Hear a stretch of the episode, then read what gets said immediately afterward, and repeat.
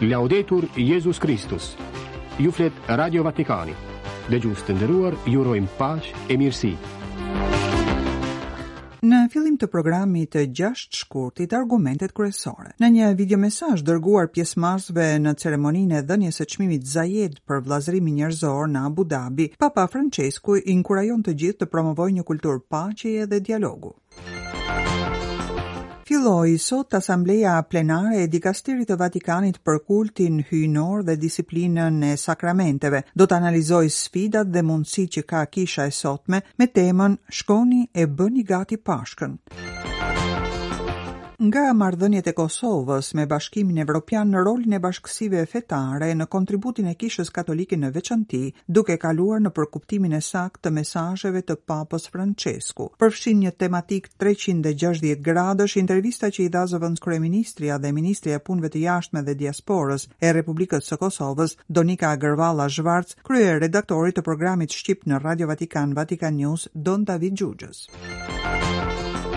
Ipeshkvijtë e Komisionit të Konferencave Episkopale të Bashkimit Evropian, COMECE, mbështesin punën e Brukselit për vendosjen e ligjeve në përdorimin e inteligjencës artificiale, duke parashikuar ndikimin e saj tek qytetarët dhe konsumatorët. Në deklaratën e tyre theksohet nevoja e përmasës etike dhe e përgjegjësisë. Bashkësisë ndërkombëtare i kërkohet një trakat tat për këtë sektor në zgjerim të vazhdueshëm.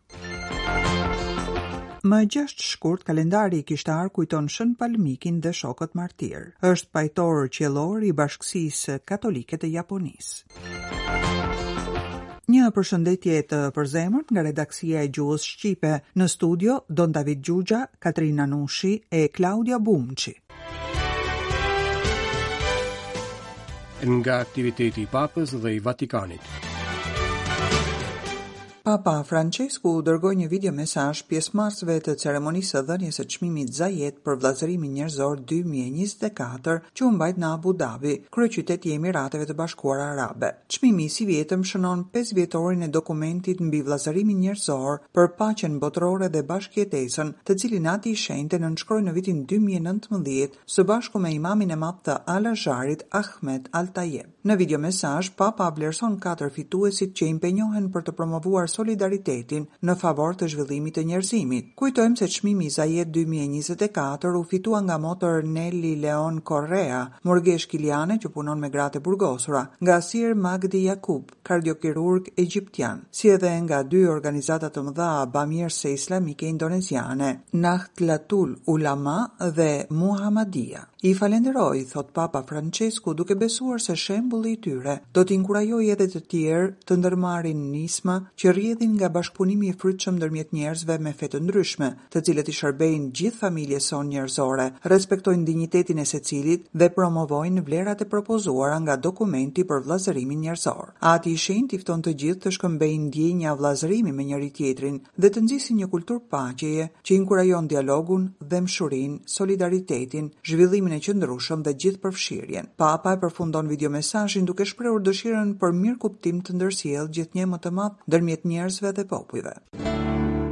Filluan sot e do të zgjasin deri me 9 shkurt punimet e asamblesë plenare të dikasterit të Vatikanit për kultin hyjnor dhe disiplinën e sakramenteve, gjatë së cilës do të analizohen sfidat dhe mundësitë që ka kisha e sotme. Tema rreth së cilës diskutojnë anëtarët e dikasterit të Vatikanit për kultin hyjnor, së bashku me disa këshilltarë, është shkoni e bëni gati Pashkën, frymëzuar nga fjalët e Jezusit që na sjell Ungjilli i Lukës në kreu 22 rreshtin 8. Po kujtojmë se kjo asamble e dikasterit të Vatikanit për kultin hyjnor mbahet me rastin e 60 vjetorit të shpalljes së Kushtetutës Apostolike Sacrosanctum Concilium mbi reformën liturgjike shpallur nga Papa Pali 6 me 4 dhjetor të vitit 1963. Liturgjia, thuhet në këtë dokument të Koncilit të dytë të Vatikanit Sacrosanctum Concilium, kontribuon që besimtarët ta shprehin me jetë dhe t'u dëshmojnë të tjerëvet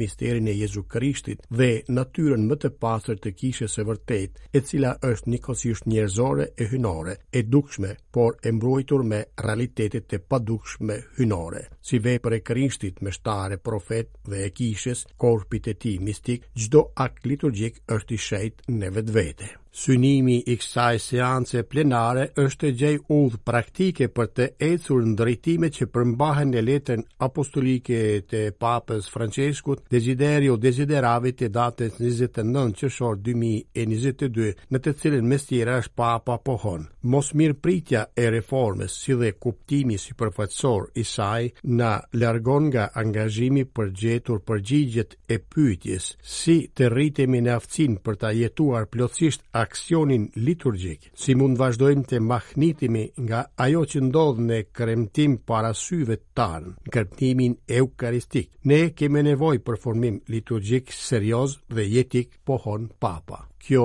asemble e dikasterit të Vatikanit për kultin hyjnor do të synojë jo vetëm të nënvizojë rëndësinë e formimit liturgjik, por edhe t'u japë ipeshkvijve këshilla praktike për zhvillimin e projekteve baritore në kishat e tyre dioqezane që të mund t'i vënë në jetë pra t'i zbatojnë porositë e dokumentit papnor. Plenaria e dikasterit vatikanas për kultin hyjnor përveç meshtarëve, ka edhe kurse formimi për popullin e Zotit, pra për besimtarët që pasohen nga çaste reflektimi, lutjeje dhe diskutimi në asambletë e përgjithshme dhe në grup.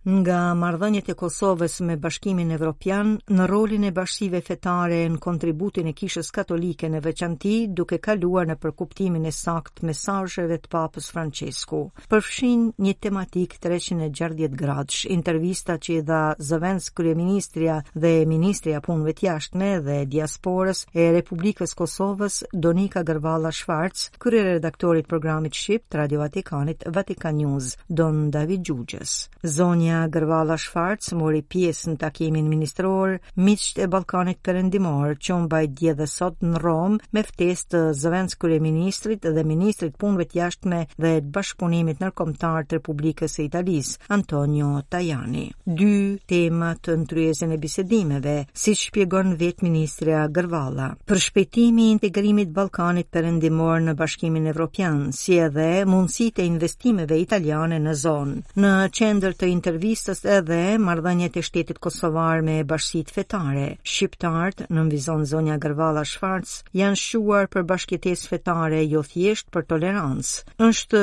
detyrim i shumicës të ofrojë mundësi për bashkëjetesë sa më të mirë. Ministrja e Punëve të Jashtme e Republikës së Kosovës shpjegon se Kosova ka propozuar edhe një ligj për formalizimin e statusit të bashkësive fetare. Për sa i përket Kishës Katolike, qeveria e Prishtinës pret që ajo të vazhdojë të jetë e hapur dhe konstruktive, duke përfaqësuar vlerat e mirëfillta të krishterimit e duke mbështetur interesat legjitime të Kosovës. Janë lidhur marrëdhënie më të ngushta edhe me Selinë e Shenjtë. Përpjekjet tona, njofton ministrja Donika Gërvalla, do të manifestohen shpejti me hapa konkretë. Gjithashtu, mesazhet e Papës Françesku janë të rëndësishme për Kosovën, sidomos ato për të rinjtë, pasi vendi ka një moshë mesatare nën 30 vjeç.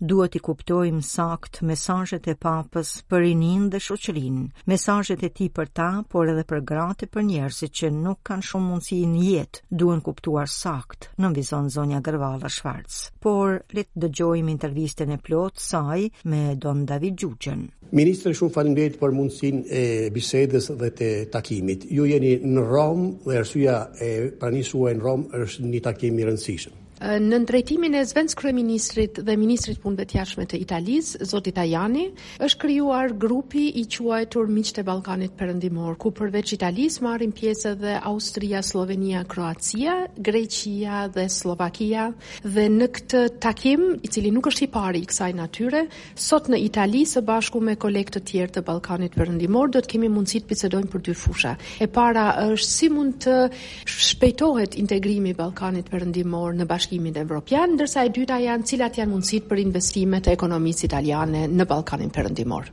E cilat janë marrëdhëniet aktuale ndërmjet Republikës së Kosovës dhe Republikës së Italisë? Unë jam shumë e lumtur që ministri i tashëm italian ka filluar të tregojë një interesim më të shtuar për të qenë e pranishme Italia në Ballkanin Perëndimor dhe kjo shihet në shumë sfera. Pra bashkëpunimi është shumë intensiv, edhe bashkëpunimi është i orientuar ka afrimi jo vetëm i Italisë, por në përgjithësi i Evropës me Ballkanin Perëndimor. Kështu që marrëdhëniet tona shumë të mira që i kemi bilaterale reflektohen gjithashtu edhe në iniciativat rajonale të cilat i ndërmarrim bashkë me Italinë. Çfarë mund të na thoni rreth rrugëtimit të Kosovës drejt Bashkimit Evropian që është një prej synimeve më të mëdha?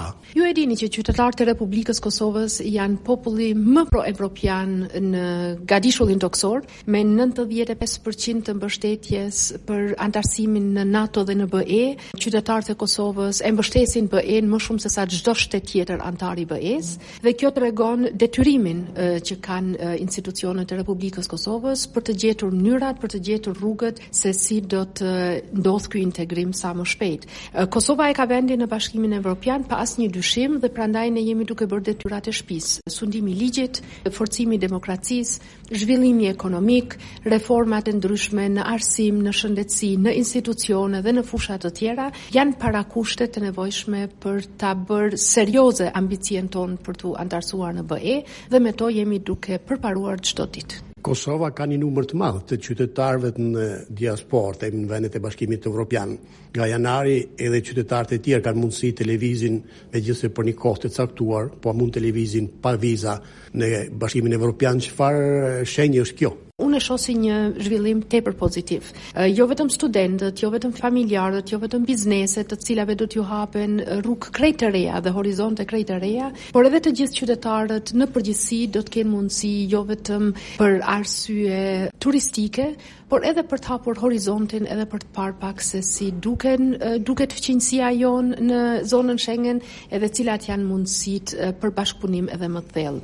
Unë e di që ka shqetësime të ndryshme nga struktura të ndryshme se sa mund të ndikojë kjo negativisht në zbrazje të Kosovës, por nuk i shohim ato tendenca edhe mobilitetin e shtuar të qytetarëve të Kosovës e shohim si një gjë jashtëzakonisht të mirë. Kalojmë tek një element që përbën shoqërinë e Kosovës, janë komunitetet fetare. Si i shikoni këto elemente në një realitet demokracie?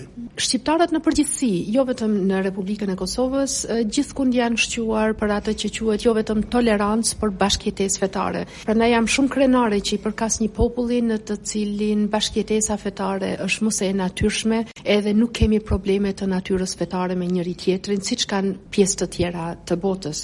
Kështu që është detyrim i shumicës, pra i atyre të cilët përbëjnë shumicën jo vetëm kombëtare, por edhe fetare, që të ofrojnë mundësi sa më të mira për një bashkëjetesë sa më të mirë edhe me bashkësitë e tjera fetare, por është natyrisht edhe detyrim i institucioneve të Republikës që të ofrojnë mundësi për të gjitha, për të gjitha bashkësitë fetare. Ne kemi propozuar një ligj, i cili shpresojmë të aprovohet së shpejti, i cili u jep statusin, e legalizon, formalizon statusin e bashkësive fetare. Ne shpresojmë shumë për shkak se është pjesë e atyre ligjeve për të cilat na nevojitet edhe vota e deputetëve serb në parlamentin tonë. Shpresoj që të mos hasim në pengesa të kësaj natyre, në bllokada të cilat i kemi parë në të kaluarën, por ne duhet të bëjmë çmos që të formalizojmë edhe të zyrtarizojmë statusin me qëllim që edhe ndihma që u jepen komuniteteve fetare të jetë ndihmë e bazuar në ligj edhe në rregullat e vendit. Nga Kisha Katolike në veçanti, çfarë presni? Ne presim që Kisha Katolike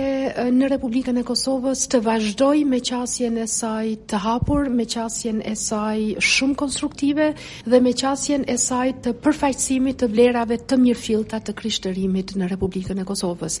Asgjë më shumë dhe asgjë më pak. Prandaj, si në Republikën e Kosovës, ashtu edhe në përgjithësi nga Kisha Katolike, ne presim që të ketë më shumë mbështetje për interesat legjitime të Republikës së Kosovës dhe unë jam shumë e lumtur që kemi bërë hapa të rëndësishëm në një forcim të bashkëpunimit me Selinë e Shenjtë në Vatikan, edhe që këto përpjekjet tona që kemi bërë do të manifestohen së shpejti me hapa konkretë. Çfarë mund të marrim si shembull nga gjithë ai mësim që Papa Françesku nuk lodhet duke përçuar tek mbarë familja botërore, siç është paqja, pajtimi, dialogu e tjera. Është shumë e rëndësishme, sidomos për një popull kaq të ri në moshë si qytetarët e Republikës Kosovës, pra një popull i cili pothuajse çdo i dyti është më i ri se 30 vjeç, që të kuptojmë saktë mesazhin e Papës Françesku që të rinjtë janë burimi i gjithçkaje të mirë që do t'i ndodhë vendit, të kuptojmë saktë mesazhin e tij pozitiv për mbështetje të të rinjve, të familjes, të grave dhe të gjitha shtresave shoqërore dhe sidomos të atyre që nuk i kanë pasur shanset më të mira në jetë dhe unë besoj që këto mesazhe universale janë të rëndësishme jo vetëm për Republikën e Kosovës, por për të gjithë kontinentin evropian tani që ballafaqohemi me një luftë të egër në kontinentin tonë, e cila duhet të gjejë një zgjidhje të duhur. Me këtë urim ju falenderoj, e mision të mbarë. Faleminderit shumë edhe për ftesën për të qenë pjesë e kësaj interviste dhe juve suksese. Faleminderit.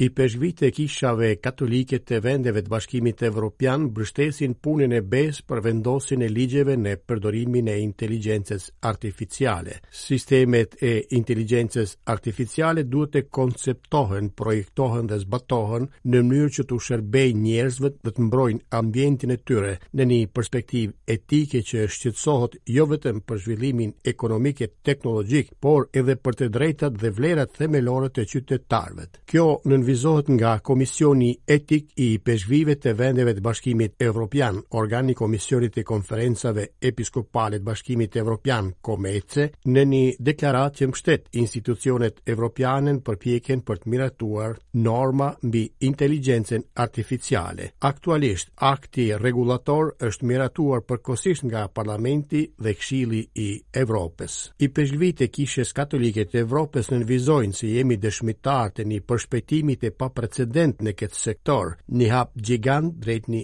revolucioni të katërt industrial në të cilin kufijtë ndërmjet njerëzve dhe makinerive, ndërmjet së natyrshmes dhe artificiales, ndërmjet botës fizike dhe asaj virtuale po mjegullohen gjithnjë e më shumë. Shëndeti, arsimi, puna, ekonomia, industria dhe transporti po rinovohen me shpejtësi, po kjo shoqërohet pashmangshmërisht edhe me pyetje etike. Për këtë arsye thuhet në deklaratën e ipeshkvijve të Evropës, inteligjenca artificiale nuk duhet të ketë formë njerëzore edhe sepse autonomia, vetëdija, zgjedhja, liria dhe përgjegjësia duhet gjithnjë të dallohen nga veprimtaria e një makine inteligjente. Mbi të gjitha, përgjegjësia duhet të jetë gjithmonë e qartë dhe t'i atribuohet njeriut sipas parimit të kujdesit.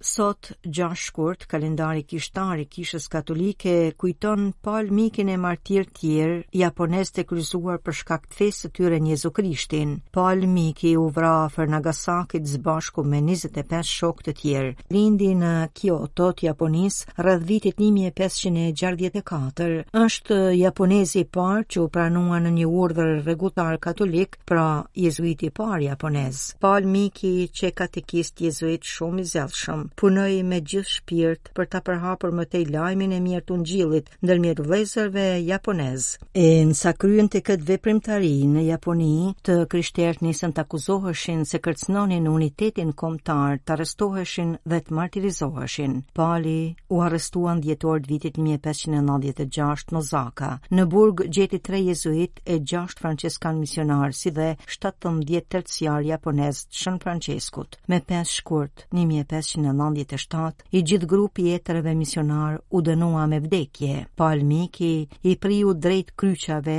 që qenë ngritur për ta në njërën nga kodrinat e Nagasakit. Aty edhe i kryqëzuan si mësuesin hyjnor, e ndërsa jepte shpirt i kryqëzuar bëri predikimin e fundit. duke përsëritur fjalët e Krishtit në kryq. Në duart e tua, Zot, po e lëshoj shpirtin tim. In manus tuas Domine, commendo spiritum meum. Në atë latinishte që e pat munduar aq shumë kur qe i ri.